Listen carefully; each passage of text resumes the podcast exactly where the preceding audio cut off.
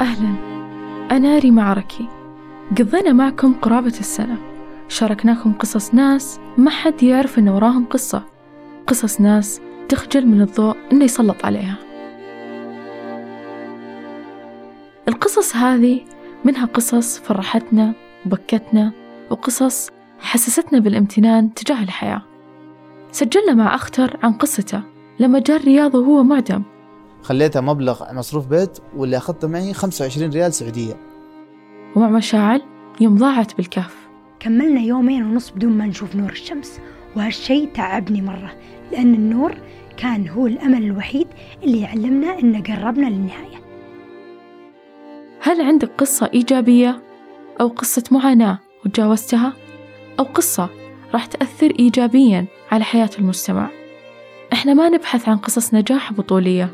وإنما نبحث عن قصص تلامس حياة الفرد.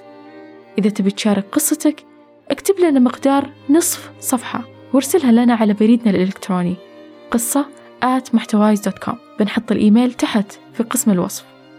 وراح نراجع جميع القصص وبنرد عليك في أقرب وقت. وإذا تعرف أحد قال لك قصته وأثرت عليك فضلا شارك معه هذه الحلقة. وبالمناسبة بودكاست قصة صار عنده حساب على تويتر وهو قصة بودكاست. إحنا في انتظارك.